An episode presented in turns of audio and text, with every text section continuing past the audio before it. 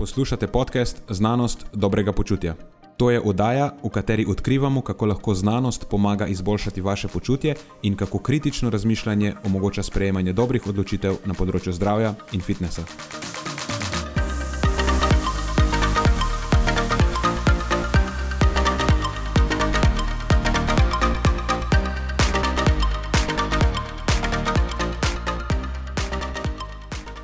Pozdravljeni, z vami sva Nenad in moj sovoditelj Matjaš. Glavni temi tokratne epizode sta najprej vpliv uživanja soje in sojinih izoflavonov na moške reproduktivne hormone, potem pa preverimo, ali so tako imenovani refidi oziroma obdobja višjega energijskega vnosa med shojševalno dieto koristni za ohranjanje puste telesne mase oziroma učinkovitejšo izgubo telesne maščobe. Preden začnemo, pa se moram zahvaliti še našim sponzorjem. Zaenkrat to še vedno ni velika korporacija, temveč zvesti poslušalci, ki nam izkazujete zaupanje in podporo s prijavo v našo člansko skupino Znanost dobrega počutja. Hvala vsem, ki s tem držite luči prižgane in omogočate podkastu, da raste in postaja še bolj kakovosten. Hvala tudi vsem, ki nas podpirate s pozitivnimi komentarji in visokimi ocenami, ter s tem, da priporočate podcast svojim znancem in prijateljem. Zdaj pa je končno čas za začetek epizode. Uživajte ob poslušanju.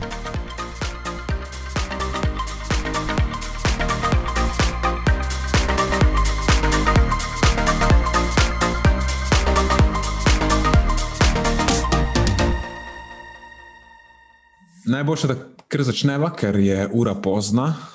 Spet snemava ob nekem čudnem času, ki je edina ura in nekaj, ki jo imava ta teden oba dva fraj, kar je.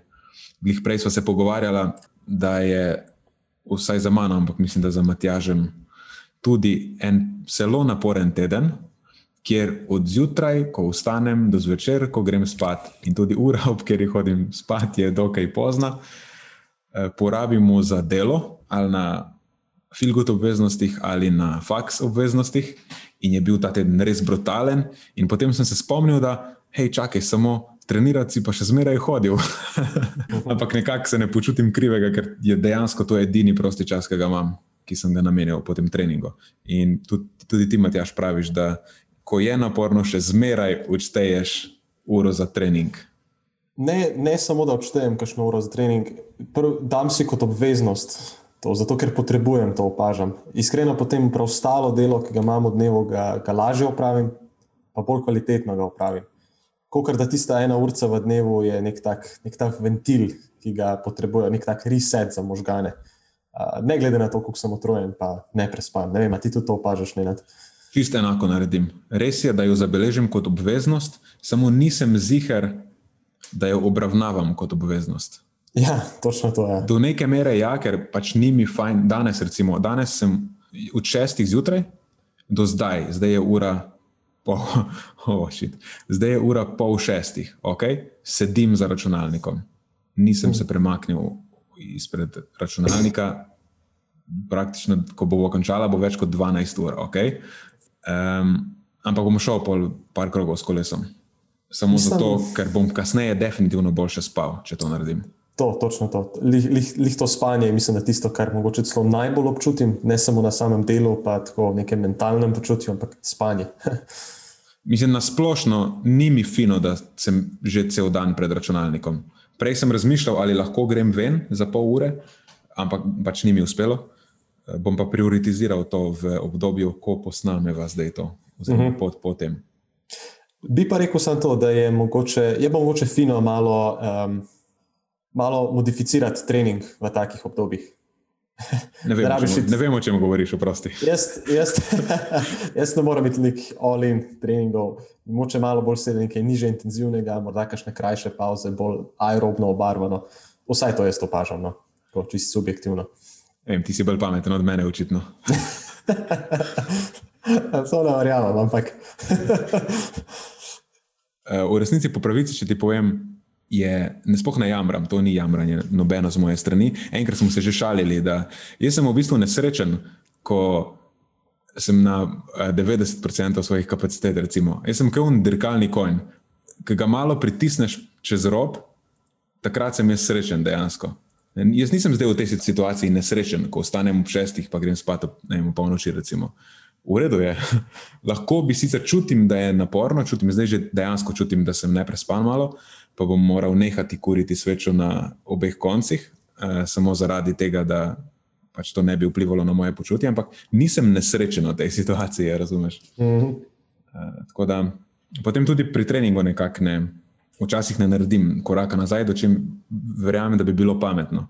Mogoče bi lahko malo dlje časa kuril svečo na obeh koncih, če bi potem tudi pri treningu naredil kak korak nazaj. Periodizacija treninga ni naša najboljša vrlina, opažam. Ne, pri nas, ne, ne govori sploh. Pri nas, profesionalnih rekreativcih, če se lahko izrazim. ja, mimo grede, dobili smo ponudbo za koča uh, gimnastike. Da, Aha, okay, okay. Znam biti, da se bomo učili salt nazaj k malo. Okay, tega se kar malo bojim, lahko na srce. Ne, ne bom razkrival ničesar več za enkrat, bom kasneje, ampak je kar uh, uveljavljen koč, no? oziroma trenerka. Okay, okay. Resno razmišljam o tem. No? Ma v zadje iz gimnastike, tako da mislim, da je tukaj precej potencijala. Torej, Sem rekel, da smo se zmenili, da ostanemo na zvezi. Torej, tako da nimate več, ja, nimate več izgovorov zdaj. Enkrat, ko nas spustijo v telovadnice, nimate več izgovorov. Le, jaz, jaz sem za. Kaj, zakaj pa ne? Treba probati kaj novega. Ok, da vam mi dva to po eni strani jamram, da nimava časa, zdaj pa spet eh, nakladam. Dejva rešiti ta housekeeping, stvari, ki so obvezne. Moramo povedati, da smo po prejšnji epizodi, oziroma po predprejšnji, ne, po 40. epizodi, dobili precej pozitivnega feedbacka. Po pravici, če ti povem, jaz sem bil presenečen koliko nekih, eh, kako je bilo to ljudem všeč, očitno, da smo mi, da nismo samo eh, strogo govorili o nekih podatkih, merljivih, ampak tudi o nekih manj utipljivih mnenjskih stvareh. Zdaj ta podcast ne bo postal mnenjski podcast, eh, še zmeraj bo to znanost dobrega počutja. Smo se pa odločili, da Marija povabiva kot, kako se temu reče, rednega ponavljajočega gosta. Ja, tako je in bomo enkrat na mesec posneli epizodo o takih aktualnih stvareh. V bistvu se bomo mi trije pogovarjali o nekih stvareh, ki se nam zdijo, da, bile, da bi jih bilo vredno ta mesec izpostaviti in mogoče malo dodatno komentirati in dodati nek naš uh, mnenjski input. Uh mhm. -huh. Tako da naslednja bo 44. In potem 48, in potem 52 za enoletno obletnico. Spet pri nekaj priložnosti, vidiš, skozi slavimo. Se, se mi zdi, da smo slavimo, ja. že drugega ne delamo. Samo ja. šampanjce odpiramo tukaj in to je to. Tako je. To je to. A sem kaj pozabil? Ne, to je to. Dobili smo en nov review, zdaj ga bom premjerno prebral. Eh, dobil sem podatek že prej, da smo ga dobili, ampak si ta Apple podcast jemlje čas. Vseeno je bil pa toliko dober, da nam ga je objavil, preden smo začeli to epizodo in gre takole. Napisal ga je Godojev človek, to je insiderska fora, jaz vem, kdo je. In gre tako. Najraje imam kontroverzne teme, keto versus plant-based, cepljenje in tako dalje. By the way, upam, da boste uspela prepričati vsaj enega človeka, da se gre cepiti. Vajno nakladanje na začetku me niti malo ne moti. Prav zabavno mi je. Ocena 1, 2, 3, 4, 5, aha, 6 zvezdic od 5. Odlično, zelo laskajoč komentar.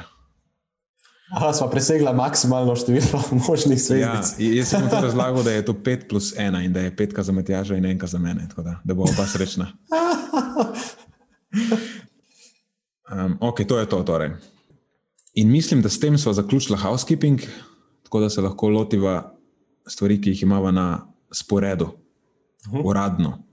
Danes, za danes smo imeli eno zelo zanimivo pripetljaj, no, kar se tiče izbire tem. Še ena prelomnica za podcast. Še ena prelomnica. Oba dva sva izbrala isti članek in najna komunikacija je itak na psu, ker oba dva imava kupenega dela in se nismo sploh zmenila, kaj bo kdo predstavljal. In ugotovila tako dve uri pred podcastom, da so izbrala isto temo. Isto, dobesedno isti članek. Za kakšne so možnosti? Jaz si roko na srce v vseh člankih, ki pridejo ven, pač nikoli si ne bi mislil, da bova bo enako stvar izbrala. Zato tudi nisem bil tako pozoren na to, ja, na tudi, realno tudi jaz nisem. Pa razmišljal sem še, ok, ta je kul, cool, ampak a bi raje nekega drugega, ki sem ga dobil prejšnji teden. Ma ne bom tega, ker je glih nekdo mi poslal nek video pred kratkim. V mislih imam, jaz bom govoril o eh, soji in vplivih uživanja soja oziroma sojinih izoflavonov na testosteron. Zelo aktualna tema, zim zelena tema, relativno kontroverzna, kot da za godojevega človeka uh -huh. je ta tema primerna. Ja. Uh, in očitno si ti bil istega mnenja. ja, uh, taka, tako, tako kot si rekel, zim zelena tema.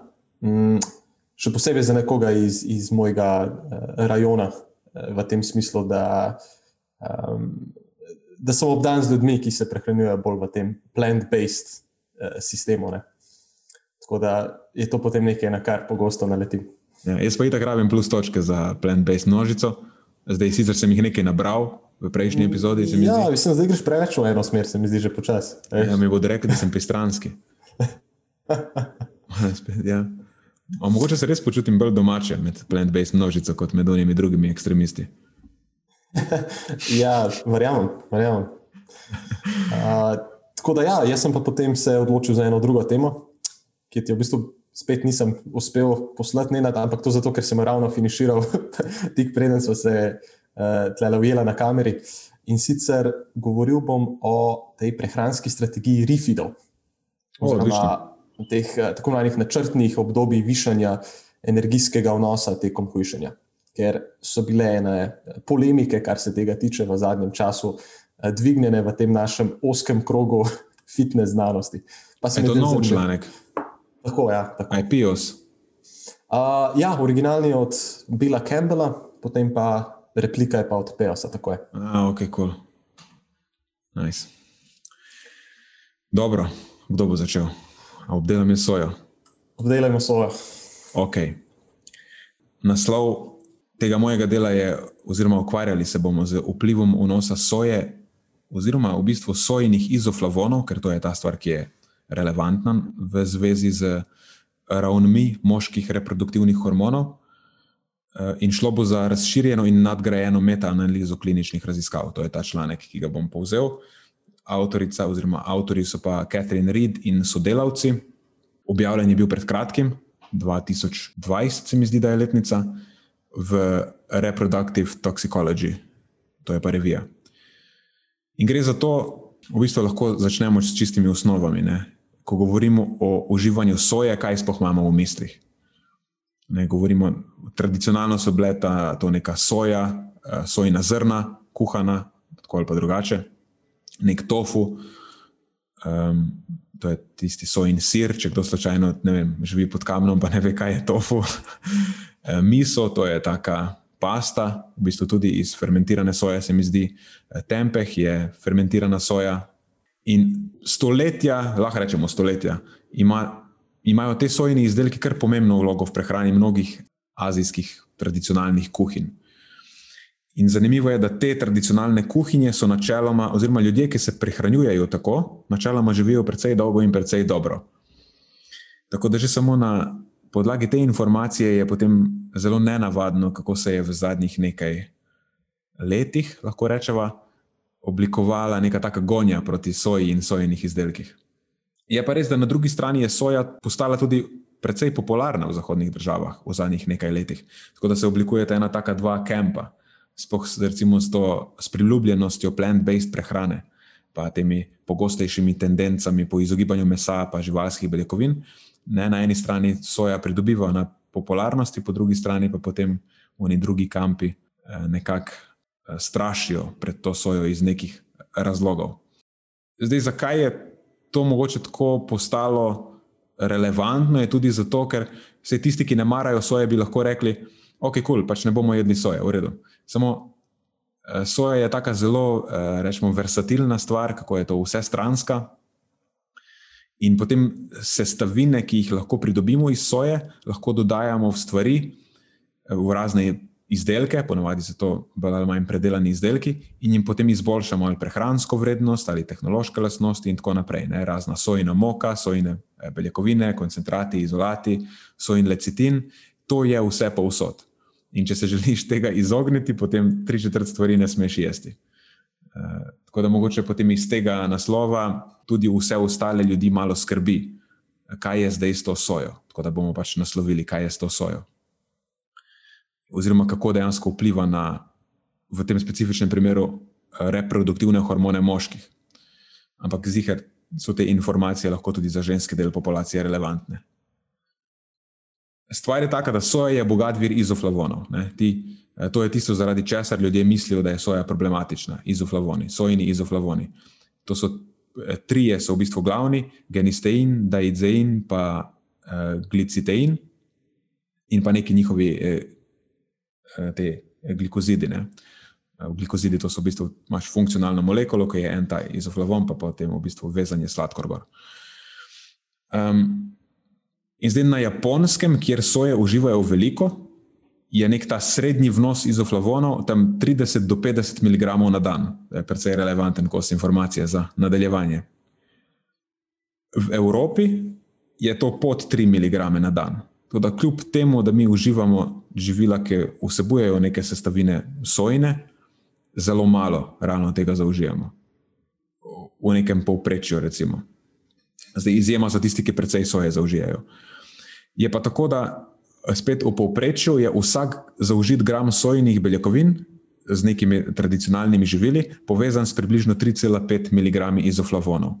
Oziroma, če to prevedemo v porcijo soje, je v eni porciji soje 25 mg um, teh izoflavonov. Ne? In zdaj ena porcija soje je recimo 2,5 decilitra sojnega napitka, ali pa slabih 100 gramov tofuja, ali pa slabih 30 gramov soje.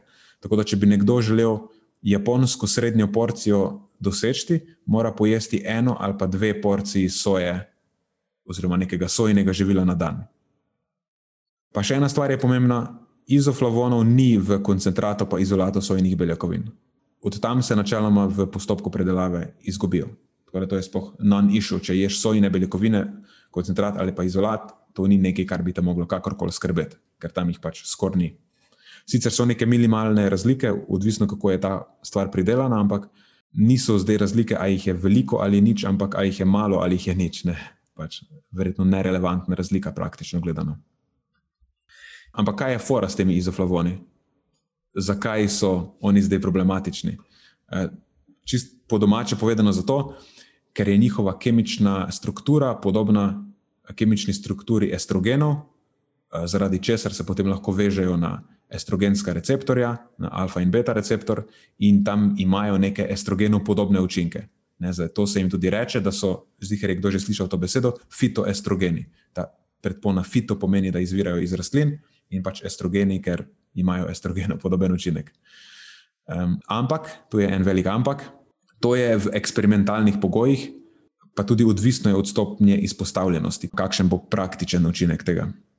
Uh, ker to je tako, če se nekaj lahko zgodi, če obstaja neka uh, pot, potencijalna, še ne pomeni, da se bo v praksi to tudi dejansko dogajalo. Mislim, da so to že večkrat izpostavila in to je nekaj, kar razni zelo taki uh, biokemično nagnjeni komentatorji te teme pogosto ne razumejo dobro, očitno. Uh, ker če nas zanima, kako je neka pot v neki tako imenovani praksi resničnega življenja dejansko izražena, potem moramo zmeriti izide pri prosto živečih populacijah. Ne, ni zadosti, da damo neko stvar v provetu, pa potestiramo par uh, celičnih kultur, ali pa v najboljšem primeru, da nahranimo en kup miši z sojo. Ne. To nam ne pove veliko, kaj se bo zgodilo dejansko, ko ljudje uživajo sojo dlje časa. In še ena stvar je, da izoflavoni niso enaki endogeno produciranim estrogenom ne? in tudi nimajo enakih učinkov. Uh, samo kemična struktura je podobna in mogoče je del učinkov podoben, niti ni rečeno, da je. Je pa tako, da v zadnjih, rečemo temu, 30 letih se je literatura precej ukvarjala s pozitivnimi učinki sojenih izoflavonov uh, na zdravje, in ti pozitivni učinki lahko rečemo, da dejansko obstajajo, ker je dosti dosledno stvar povezana z nižjim tveganjem za kardiovaskularne bolezni, pa potem nekatere vrste raka, in mogoče bi lahko imela celo uh, koristne učinke za kostno presnovo. Ampak potem vse to je bilo hitro pozabljeno, ko se je začelo strašiti pred možnimi učinki na, na feminizacijo moških, so, so temu rekli. Ne. Še posebej potem v tandemu, s tem, ko so odkrili, da razni okoljski onesnaževalci, ki so jih potem klasificirali kot ksenoestrogene, resno igrajo vlogo pri opadanju tega reproduktivnega zdravja moških eh, po svetu. Plus, da tu in tam potem slišiš še kako anegdoto, da je nekdo razvil ne vem, ginekomastijo, zato ker je spil pet kartonov sojenega eh, napitka na dan. Ne? In potem je to to. In dejansko ne sej obstajajo case reporti, nisem si izmislil tega. Um, en zanimiv je poroča o nekem moškem, ki je razvil eh, erektilno disfunkcijo in hipogonadizem, pa je zaradi uživanja soje. In potem, ko so v tem case stadiju nekako ovrednotili vnos izoflavonov, je bil 360 mg na dan. To je tako desetkrat več kot srednji vnos na japonskem, kjer je soja redni del prehrane. In če daš to v porcije, pa tudi vprašanje, to je pač sam case report, vprašanje, če je dejansko to bilo zaradi soje. Vprašanje, kaj nekdo, ki 360 mg sojenih izoflavonov na dan zaužije, še drugega neumnega počne v življenju. ne, tako da težko rečemo karkoli. In potem, seveda, še vedno se najde nekdo, ki eh, čeri pika raziskave na to temo, tako kot vse posod druge. Se tudi na tem področju ne, je možno najti raziskavo, eno raziskavo, ki je pokazala nek učinek. Ampak to potem še ne pomeni, da je to realen učinek. Če želimo ugotoviti realen učinek, potem pač preverimo celotno težo dokazov, ne samo posamezne raziskave. In točno to imamo tukaj s to metaanalizo. To je metaanaliza kliničnih raziskav, ne, to torej niso anekdote in niso case reporti, ampak dejanske, uh, relativno nadzorovane raziskave. Vključenih je bilo 41, 20 jih je imelo kontrolirano zasnovo, pomeni, da so bile s placebom kontrolirane, oziroma da so imele skupino, ki ni bila izpostavljena izoflavonom, 8 jih je imelo na vzkrižno zasnovo, pomeni, kjer so pač vsi udeleženci ne, bili izpostavljeni tako manjšemu vnosu kot visokemu vnosu, oziroma ne nobenemu vnosu, pa višjemu vnosu. Ostale so imele pa to eno skupinsko zasnovo, oziroma s paralelnima skupinama, kjer ni bilo skupine brez intervencije, ampak so dobivali eni malo več, eni malo manj izoflavonov. Tako da so pač primerjali stopnjo izpostavljenosti. In potem so te zbrane podatke, teh 41 raziskav, potestirali z dvema statističnima modeloma, da bi lahko ugotovili, ali je z izidi morda povezano eh, trajanje, to je model A, trajanje izpostavljenosti izoflavonom.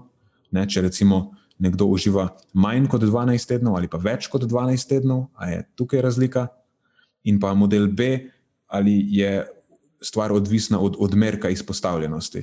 E, določili so pa 75 mg na dan. Torej, ali je statistično značilna razlika med ljudmi, ki manj kot 75 mg na dan sojenih izoflavonov zaužijejo, in med tistimi, ki pač več kot to. Vključili so pa raziskave, ki so merile skupni testosteron, prosti testosteron, estradiol in estron, to sta pač oba estrogena, um, in pa spolne hormone vezoči eh, globulin. In potem rezultati so zelo enostavni za interpretirati, nima nobenega očitno učinka na koncentracije reproduktivnih hormonov v obtoku. Um, pač ni bilo nobenih signifikantnih učinkov na, kat na kateri koli hormon, in ne glede na uporabljen statističen model. Tako da niti primerjava interventnih skupin s kontrolnimi skupinami, um, oziroma paralelnih skupin med seboj, niti spremembe skozi čas v vseh aktivnih skupinah, nič od tega ni pokazalo uh, signifikantnih razlik. Tako da pač lahko, če bi tukaj potegnili črto, bi lahko rekli, da um, niti nad 75 mg na dan sojenih izoflavonov ne bo imelo učinka, tudi če jih uživate več kot 12 tednov skupaj. Um, se mi zdi, da tudi podatki izgledajo zelo čisti, no, tako v narekovajih čisti. Uh, poročajo, da je ta funnel plot je zelo simetričen, kar pomeni, da ni bilo nekega publication biasa. Uh, mislim, ta funnel plot je ena taka metoda, s katero se um, vrednoti ta publication bias, meta-analiz. Imáš na, na Y osi imaš standardno napako uh, ocene učinka, in pol na X osi so rezultati raziskave, in potem, če je razporeditev v ta funnel tako uh, simetrična, pol je verjetnost, da je publication bias majhen. Če je tako zelo zamaknjena v eno smer ali pa izven tega uh, trikotnika, pol je uh, Eh, pač publication bias uh, visok in zna biti, da pač so rezultati metaanalize um, netočni, oziroma pač treba jih je, rečejo, interpret with caution. Spet sem zašel v neke specifike, ki nobenega ne zanimajo. Um, no, še ena stvar je, da tudi ni bilo neke študije, ki bi bila, rečemo, temu preveč vplivna, ne, ki bi prevesila to standardizirano srednjo spremembo, po domače skupni učinek, recimo, da bi bil ta cel uh, skupni učinek, da bi visel na eni raziskavi, da če bi jo umaknili ven, da bi postal potem statistično značilen. Um, to ni, ker so potem eno po eno študijo iz obeh modelov dajali ven in so preverili učinek, znova, ne, brez ene študije. V nobenem primeru ni uh, razlika postala statistično značilna. In to je veljalo za, za vse parametre. Spremembe so ostale nesignifikantne, pač tudi, ko so izključevali vsako študijo posebej. In potem, čist na koncu, dejansko ti rezultati niso presenetljivi, ker potrjujejo rezultate starejših metaanaliz, eh, ki enako pravijo, da niti uživanje soje, niti uživanje sojenih izoflavonov nima signifikantnih učinkov na koncentracije eh, ali skupnega ali biorazpoložljivega testosterona pri moških. In glede na to, da je bilo vključenih 41 raziskav, kar ni, ni malo. Uh, večina jih je bila relativno tesno nadzorovanih, vse skupaj je sodelovalo več kot 1700 udeležencev, pač 1700 moških. Ne vem, meni se zdi to precej dokončen rezultat. Resno močno dvomim, da tudi če dodamo pet ali pa deset novih raziskav čez deset let, da se bo karkoli spremenilo. Ne verjamem. Uh, Sploh, ker že zdaj je heterogenost raziskav precej nizka. Ne? Rezultati so zelo skladni. In dejansko se stvari od leta 2010, ko je bila prejšnja objavljena, in do danes niso spremenile, kljub temu, da je bilo vključenih deset novih raziskav v tej updateni metaanalizi. Kar se je zgodilo, je to, da so te nove raziskave samo potrdile ugotovitve starejših. In tudi, če bi hoteli reči, recimo, ok, bomo naredili zdaj neke daljše raziskave, bo nekdo jedel svojo 12 mesecev, recimo. po moje ne bi ugotovili nič drugačnega. Ker sam, same ravni testosterona, recimo specifično, če bi nas to zanimalo, se zelo hitro spremenijo eh, v odvisnosti od nekih teh eh, akutnih pripetljajev. Recimo, spohna alkohol je en tak primer, ki ga v članku isto izpostavljajo. Znano je, da znižuje ravni testosterona. In samo v enem mesecu pijančevanja lahko dohitiš dolgoletnega alkoholika. Ne? Tako da tukaj so pa 12 mesecev ali pa še več bile študije upravljene. Tako da nekako ne vidim, eh, kako bi lahko bilo pokazano, da izoflavoni vplivajo na eh, ravni hormonov v neki signifikantni meri. Ja, tudi jaz ne. Mislim, da bomo počasi mogli zakopati to sekiro. ja, in tudi teh 75 mg na dan, mislim, to je relativno visok vnos. Če se spomnimo, koliko Azijci zaužijajo, manj kot 10 odstotkov Azijcev, oziroma Japoncev v tem primeru, specifično, um, manj kot 10 odstotkov jih zaužije dejansko 75 mg na dan. Ne? Pri njih je srednji vnos tam do 50. In to pomeni 75 mg na dan, pomeni tri porcije soje. Ne? To pomeni tri porcije, eh, 2,5 decilitra sojnega mleka, ne skoraj, mislim, 3 četrt litra, ali pomeni 300 gramov tofuja, ali pomeni skoraj 100 gramov kuhane soje to je precej sojeno. In to je bil vnos, za katerega je pokazano, da nima statistično značilnega učinka. In pazi to, osem vključenih raziskav je dejansko imelo uh, skupino z več kot 100 mg na dan. In niti v teh skupinah se ni pokazalo nič posebnega.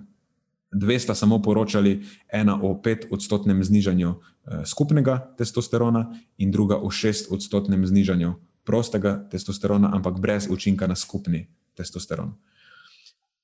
Jaz realno mislim, da je to nerelevantno. In tudi, če bi bilo, je to še zmeraj samo dve raziskavi od osmih.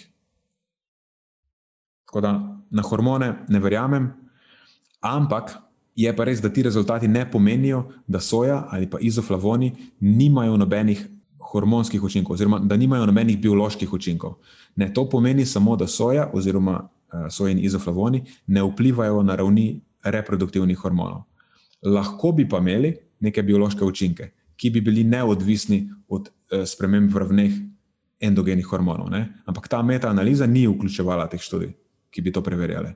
Tako da, recimo, vemo, da drži, da izoflavoni interagirajo z estrogenskimi receptorji in uh, mogoče tudi z androgenskim receptorjem, nisem zihar. V glavnem, za odgovor, ali imajo lahko izoflavoni biološke učinke, neodvisno od, od vsega ostalega, bi bilo pač potrebno preveriti študije z nekimi kliničnimi endpointi. Torej študije, ki preverjajo neke dejanske končne izide.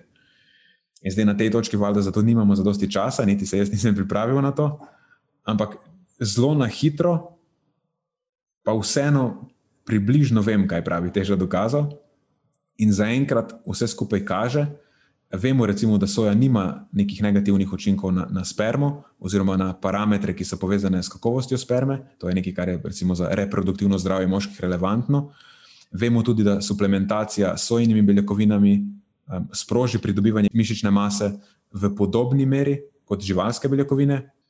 Uh, In ena sveža metaanaliza randomiziranih kontroliranih raziskav je potem pokazala tudi, da soja nima klinično pomembnega učinka na funkcijo ščitnice. Tako da vse, kar vemo, je, da je soja povezana z boljšimi izidi. Ne? Omenja se pač ugodne učinke na kostno presnovo, na kardiovaskularni sistem, na znižanje tveganja za nekatere vrste raka. Mimo grede, sojni izoflavoni so vrsta flavonoidov, moje najljubše skupine v prehrani. Več kot očitno. Mislim, precej enih plusov je za to, da nekdo uživa sojo. In zaenkrat nobenih nekih hudih minusov, ki bi jih bilo vredno izpostaviti. Če potegnemo črto, bi lahko rekli, da je ja, dejte pojesti več soje, ker vas očitno za dosti ne poje za dosti soje, ker drugače bi bil srednji uh, vnos izoflavonov v Evropi višji od manj kot 3 mg na dan. In bi se približal vnosu Japoncev, ki so dejansko ena izmed. Uh, najbolj zdravih populacij na svetu. Tako da, če je koga fino posnemati, se mi zdi, da bi lahko bili to Japonci, čeprav res je, da, so, da obstajajo neke razlike med Evropejci in uh, Japonci tudi na nekem globjem biološkem nivoju, tako da pač ne moremo jih posplošiti, da vse, kar oni delajo, eh, ne, bo enako koristno tudi za nas. Ampak vsem se mi ne zdi, je najslabša ideja na svetu posnemati prehrane Japoncev. Ja, se strinjam. Ja, se strinjam. Najbrž ne moramo vseh teh plusov tudi pripisati samo hrani. Ampak, ja. Absolutno. Ja. Sej, ja. Japonci so posebni na, v večjih aspektih življenjskega sloga. Uh mhm. -huh. Torej, praviš, da če si danes pripravim tofu za večerjo, da ne bom dobil girko mastije. Po mojem, da ne. No. no, super, hvala. To sem se zavedal. Če si ga pripraviš, ne vem, mogoče koliko bi si ga moral pripraviti. Tri kile mm. tofuja.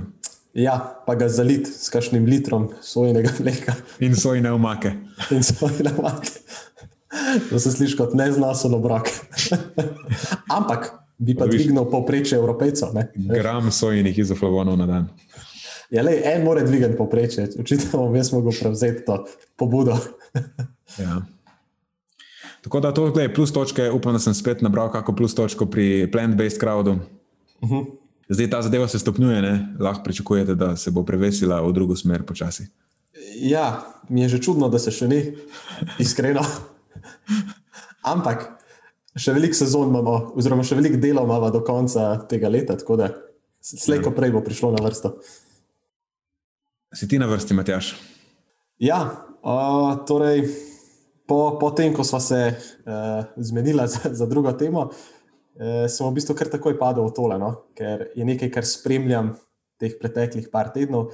Torej, to so te prej omenjeni refidi, oziroma ta načrtna obdobja višjega energijskega vnosa tekom obdobja hujšanja, ki se eh, bolj kot ne anekdotično uporabljajo, predvsem v tem fitnes svetu, oziroma predvsem v tekmovalnem fitnes svetu, čež da ima neke. Uh, fiziološke ugodnosti, oziroma ugodnosti, na naslovu boljšega ohranjanja puste mase, pa presnovne stopnje, ki sicer padeta ne, tekom deficita. Um, ja, in za to temo sem se odločil zato, ker je trenutno dokaj vroča. Um, in sicer potem, ko ste išli tisti dve raziskavi, ki so jo prej omenjali z Nenadom, prva je bila od Bila Campbella in sodelavcev, in potem pa še replika Peosa in sodelavcev, ki je sledila kmalo zatem. Mogoče prej gremo sploh v ti dve raziskavi, še par besed o teh refidih, kako sploh potekajo, kako se jih običajno lotevajo in kakšne um, ugodnosti se jim je pripisovalo v preteklosti, oziroma se jim še pripisuje. Uh, omenil sem, da se gre za neka taka krajša obdobja višanja dnevnega energijskega vnosa tekom hujšanja. Uh, in sicer govorimo tukaj o dvigu vnosa energije na ta tako imenovani maintenance vnos, oziroma uh, vnos, kjer, kjer sta poraba in pa vnos energije v ekvilibriju, torej posameznik ne izgublja in ne pridobiva telesne mase. In ta dvig v energiji načeloma prihaja primarno račun oglikovih hidratov, In refidi običajno potekajo nekako v zaporednem, mogoče en dan, pa tam maksimalno do tri dni. Eh, in to obdobje se potem običajno ponavlja na neki tedenski ravni, morda malo manj, morda malo več. Eh, ampak anekdotično ponovadi zasledimo, da dlje časa, kot je posameznik v deficitu, pa nižji, kot ima delež telesne maščobe, pogosteje se ga običajno koristi. In prednosti, ki jih zagovorniki teh refidov dajo, so najpogosteje na naslovu preomenjenega boljšega ohranjanja puste mišične mase tekom deficita, posledično tudi nek boljši performance tekom deficita, potem neka boljša adherenca oziroma boljše splošno počutje in pa tudi ohranjanje više presnovne stopnje tekom hujšanja. To so vsaj ti neki, tako so vsaj anekdotično govorili o tem. Zdaj, kaj pa, kaj pa dejansko pravi znanost? In prvo kot prvo imamo to raziskavo od Billa Campbella, ki je precej znan v teh raziskovalnih krogih, no, sej Jackson Pierce je tudi, ne? Pa tudi oba sta precej aktivna na socialnih omrežjih, zato se mi je zdelo to še uh, toliko bolj zanimivo, ker so potem tudi imeli še nekaj uh, debat na YouTubu in podobno, ker se mi je zdelo zelo zanimivo, da živimo v takem obdobju, kjer lahko. Pravzaprav vsi sledimo tako znanosti na tak zanimiv način, kar preko socialnih omrežij, pa YouTube, nekaj, kar predvidevam, da ni bilo ravno mogoče v preteklosti. No, skratka, v tej raziskavi od Billa Campbella, ki je šla lansko leto, so udeležence, ki so bili sicer, sicer tako relativno dobro trenirana populacija, lahko bi jih označili kot klasične fitneserije, pod narekovaji, če se lahko tako izrazim, so jih razdelili v dve skupini. In sicer ena skupina je konstantno hujšala pri 25 odstotkih energijskega deficita, sedem tednov zapored, tle se ni nič spremenilo. Ne pa še druga skupina, ki pa je imela na tedenski ravni dva dneva rifida in potem posledično preostale dni v tednu nekoliko bolj oster deficit v obliki 35 odstotkov energijskega pomankanja. In če potegnemo črto, ne na tedenski ravni sta obe skupini imeli enak energijski deficit pa tudi standardizirali so njihov vnos makrohranil, torej beljakovin, ugljikovih hidratov in maščob, kar bi sicer lahko vplivalo na končni rezultat. In edina razlika je bila to, da je ena skupina torej delala te refide in druga jih pač ni. In to je tudi prva raziskava, ki je bila narejena na taki bolj uh, fit populaciji uh, in ne na posameznikih z recimo prekomerno telesno maso, kot smo lahko to zasledili v preteklosti. Tako da lahko bi rekli, da bi rezultati te raziskave imeli bolj več nekih praktično uporabnih smernic za nekoga, ki se eh, ukvarja, oziroma za nekoga, ki ima neke više estetske cilje, pa se morda ne, pripravlja za kakšno fitness, bodybuilding tekmovanje in podobno. No, in avtori so prišli do zaključka, da čeprav sta obe skupini sicer izgubili znaten delež skupne telesne mase. Pa je ta refit skupina, torej skupina, ki je na tedenski ravni imela dva refida pri tej, uh, tem maintenance nivoju energijskega vnosa, je po sedmih tednih po eni strani bolje ohranila pusto mišično maso, kakor tudi presnovno stopnjo napram tisti skupini, ki je tako klasično hujšala pri konstantnem energijskem deficitu. Tako da avtori so potem, seveda, na podlagi tega špekulirali, da so ti refidi res učinkoviti in da imajo nek fiziološki vpliv, tako da bi se potencialno lahko koristili v takih krogih. No, potem je pa prišla ta replika strani PEOS-a in sodelavcev, par tednov kasneje, ki so odkrili par zanimivosti, ki se nekako niso bile čisto eh, skladne s samimi rezultati. Prva izmed njih je bila ena eh, statistična napaka v interpretaciji samih rezultatov, in po ponovni analizi so PEOS in sodelavci prišli do zaključka, da pravzaprav ni bilo sploh nobenih statistično pomembnih razlik v presnovni stopni ali pusti masi med obema skupinama. Poleg tega so PEOS in sodelavci dvignili eno pomembno vprašanje, kar se tiče same metodologije te originalne Campbellove raziskave, vezane na same meritve puste mase, ki so potekale 48 ur po tem refidu, kjer bi rezultat zaradi časa teh meritev lahko izhajal na račun bolj polnih glikogenskih rezerv po refidu in ne sami dejanski mišični masi per se. In pa še zadnja taka pomembna kritika pa je letela na ta tako imenovani problem. Uh, per protocol analysis, kjer je dejansko skozi raziskavo prišlo do 50-odstotnega uh, izpada udeležencev, in analiza je potem izključila podatke teh udeležencev in se fokusirala zgolj na tiste, ki so protokol končali.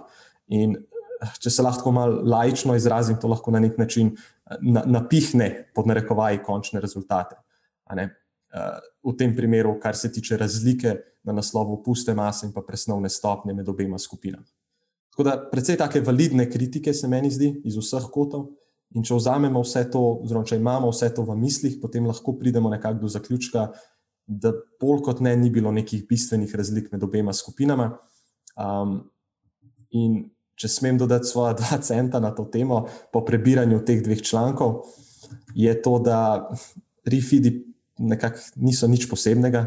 Mislim, tudi če obstaja nek učinek in to je zelo tak velik, če potem je izjemno majhen in po mojem mnenju se še vedno nekako še vedno se je potrebno fokusirati na povprečno energijsko porabo, ne, ne pa to, kako jo nekako razdelimo preko teden. In enako velja tudi za samo pusto maso. Če obstaja nek učinek, velik če, potem je dokaj zanemarljiv. Um, ampak kljub temu so lahko refidi po eni strani koristni, če ti pač tako pomaga lažje se držati nekega deficita, ampak se moramo potem nekako zavedati, da bo potrebno na preostale dni v tednu več energije odrezati. Vidim pa nek plus v tem, če take dneve refidov morda parimo s kakšnim bolj intenzivnim treningom, da na tiste dneve pač alociramo malo več energije in potem poskušamo te treninge malo bolj izkoristiti na malo višjem nivoju. Eh, verjamem, da tekom deficita to ni vedno najlažje storiti, razen če si menat, ki ga spremljam zdaj zadnjih par tednov, ko je v deficitu, pa še vedno trenira kot manjak. Uh, tako da, ja, mislim, če potegnemo črto, refidi so lahko potencialno koristno urodje za nekatere, um, ampak spet za druge so pa, po mojem mnenju, lahko nekaj najslabšega, če jim tak pristop ne ustreza. Ker opažam v praksi, da nekaterim taki dnevi uh, svobode samo škodujejo, ker jim po eni strani se jim je muka vrniti nazaj na tisti običajen deficit, in pa tudi težko se kontrolirajo na tiste dneve, ko naj bi imeli ta refit in potem nekako jim zadeva uide ven izvajati. In ko potegnemo eh, tedensko črto dnevnega, oziroma tedenskega povprečnega energijskega vnosa, so si na tiste dneve naredili malo preveč eh, škode, če se lahko tako izrazim. Um, tako da, ja, jaz se tudi iskreno tega športniki v praksi izjemno, izjemno redko poslužujem, uh, ker se mi zdi, da mora biti res tak tip osebe, ki ti to ustreza. Nekateri so taki, večina jih pač ni. Je pa še ena zanimiva stvar, se mi zdi, ki lahko izpeljemo iz celotne te zgodbe, uh, Campbell, Peos, replike, ki je mogoče še celo bolj pomemben kot sami ti dve raziskavi. In sicer ob spremljanju te celotne zgodbe sem bil navdušen, kako elegantno lahko znanost funkcionira v praksi, če se le potrudimo, ker ta celotna diskusija med obema skupinama je tako potekala zelo spoštljivo. Uh, zdi se mi, da so dali nekako svoj ego na stran, pa so predstavili svoj pogled na situacijo in omejitve na obeh koncih. Tako da, precej sveže, no? Eh, še posebej v svetu športne prehrane, kjer mogoče nisi vedno navaden ravno najbolj spoštljivega komuniciranja iz obeh strani. Predvsem imamo v mislih to komunikacijo low carb, pa high carb, kampov med seboj. Najbrž veš, o čem govorim, Enid. Ja, tukaj sta oba dva kampa, prijatelji so med sabo. Veš, to je velika razlika, po mojem. Ker že zgradili so neko medsebojno spoštovanje, ki to je traja leta. Ne ja. bodo ga zdaj zaradi enega nesoglasja uničili, ne? to bi bilo izjemno nesmiselno. Ja, se strinjam, se strinjam. Ampak po drugi strani si že kdaj opazil, da se lahko tudi zaradi manjših neumnosti, če se lahko izrazim, da, se, da pride do večjih sporov. Ja, to je zanimivo. Ampak eh, tudi zanimivo je, da si omenil ego. Mislim, da to ni, ni problem egota, to je problem šibkih egotov. Mm. Ko se tu skregaš za neke bedarije, ker ne, ne moreš, ne? se ja. boji se tvoj ego, da bi mu dokazali narobe. Se, ja, si, no, si samo zavesten v nekaj pol, pač v redu, zmotil sem se kaj pol. Priznaš napako, ne? Ja. Ja, to si zdaj tako rekel, da je tako enostavno. tega, tega jaz v praksi zelo, zelo redko vidim. Uh, ja, ampak še kaj. Mislim, hotel sem te prej vprašati, nekje na sredi. A to pomeni, da moram narediti refit, pa se pa ne bom, ni treba očitno. Lej, če, če želiš, ampak roko na srce, mislim, da ne bo nobenih norih fizioloških prednosti na tem naslovu. Je pa mogoče za nekatere tako malo psihološka razbremenitev. Ne vem, spet zelo, zelo odvisno. Mislim, da lahko ta stvar gre v obe smeri. mm. uh, zelo hitro. Tako da, odvisno, kakšen posameznik si. Ja, ja. Se mi zdi pa, da je koristno se naučiti stopiti korak nazaj. Uh, Mogoče tudi za ta namen, ki ti pa se ne rabijo biti refidi. Neki, to je nekaj, s čimer v praksi opažam, da imajo ljudje težave. Stagnirati ne znajo, ne znajo mhm. počivati, znajo napredovati proti cilju, znajo uničiti celo zadevo, ne znajo ostati na mestu. Mhm. To je nekaj, kar je na nek način psihološko zelo naporno. In če se to uspejo naučiti, potem dolgoročno tudi eh, prognoza v narekovajih je precej boljša. Nekdo, ki zna ohranjati rezultate, ki zna stati na mestu, pa je zadovoljen s tem bo najbrž vzdrževal cilj, tudi ko ga doseže. Nekdo, ki pa je naučen samo, da ali dela na, za nekaj, da napreduje, ali pa da pač ne dela nič, pa bo v redu takrat, ko ga pač držim na povodcu, dobesedno skoraj, eh, takrat, ker ga pa spustimo, pa se marsikaj lahko zgodi. Ja, res je. Ja. Eh, zelo smo slabi v, tem, v tej fazi ohranjanja uh, neke, nekega rezultata. Ker, pogosto vidim, potem, ko nekdo shujša do neke točke, pride do neke zelo spoštljive mere, pa potem reče: Jaz sem pa tukaj ostal že ne vem, zadnjih 5-6 tednov.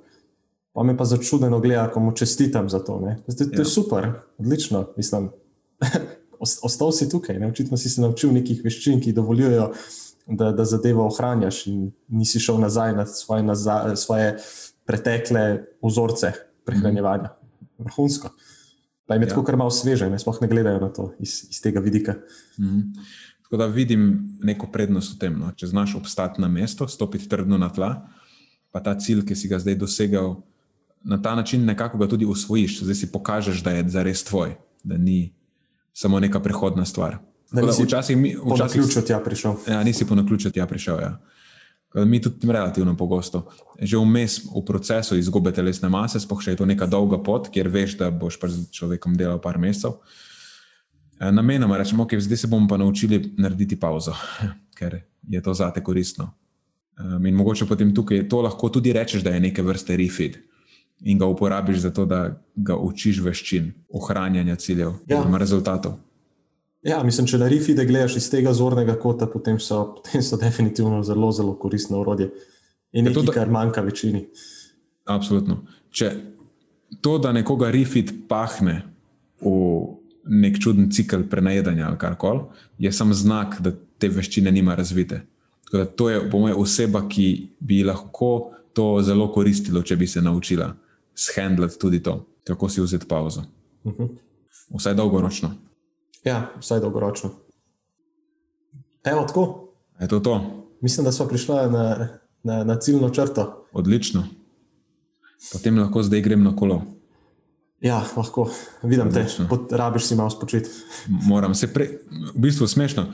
Preden smo začeli snemati, je pred petimi minutami sem končal stranko, tako da predtem sem govoril že eno uro. Tako da zdaj je bo v bistvu, mislim, je bilo uro pa pol v kosu, mhm. eno predavanje. eno klasično predavanje. Ja. No, super, ne na to, pa le, te, te spustim, da si greš lahko malo glavo eh, zbistriti. Prevetriti. Tako. tako. Ja, ta epizoda bo zdaj malo krajša, ampak vse v redu je. V redu. Ena daljša, ena krajša, mogoče bo pa poslušal. Ja, deset daljših, ena krajša, tako si misliš reči. ja, tako nekako. Ja. To je bilo zdaj razmerje do tega trenutka. Super. Nenad, okay. Eh, hvala ti, grem jaz svoj tofu pripraviti za večerjo. In, ja. uh, Dober tek. Tako, hvala, hvala. In se slišimo naslednjič. Ja, hvala tudi tebi, bilo je spet zanimivo in se slišimo naslednjič. To je za tokrat vse iz naše strani. Hvala, ker ste poslušali do konca. Delite epizodo s svojimi znanci in prijatelji in jo priporočajte dalje, saj s tem omogočite, da sporočilo znanost dobrega počutja doseže čim večjo množico. Hvala vsem, ki nas podpirate s članarino in tudi vsem ostalim, ki delite podcast dalje in nam izkazujete naklonjenost z visokimi ocenami in pozitivnimi komentarji. Se slišimo prihodnjič, do takrat pa ostanite premišljeni.